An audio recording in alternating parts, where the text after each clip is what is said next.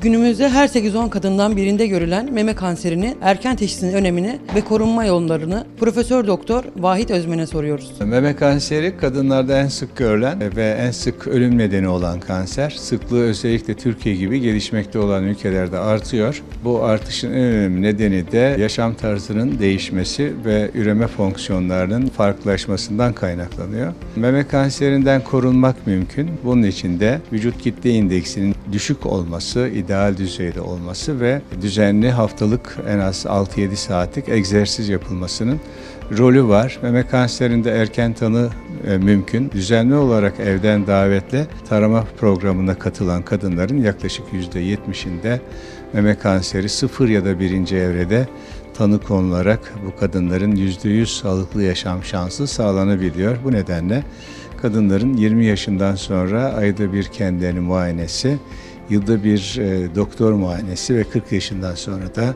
doktorun önerisine göre mamografi çektirmesini tavsiye ediyoruz. Ve bu şekilde en sık karşılaşılan kadın kanseri olan meme kanserinden hem korunmanın hem de erken tanının ve sağlıklı yaşamın mümkün olduğunu memenin korunmasının mümkün olduğunu, e, koltuk altı lenfleri alınmadan sadece lenf bezi alınarak kol ödeminin önlenebileceğini söylemek istiyorum. Tüm kadınlarımıza sağlıklı ve mutlu bir yaşam diliyorum. Belirtileri bilmek ve erken teşhis tedavinin başarıya ulaşmasına çok önemli. Bir sonraki videoda görüşmek üzere. Hoşçakalın, sağlıcakla kalın.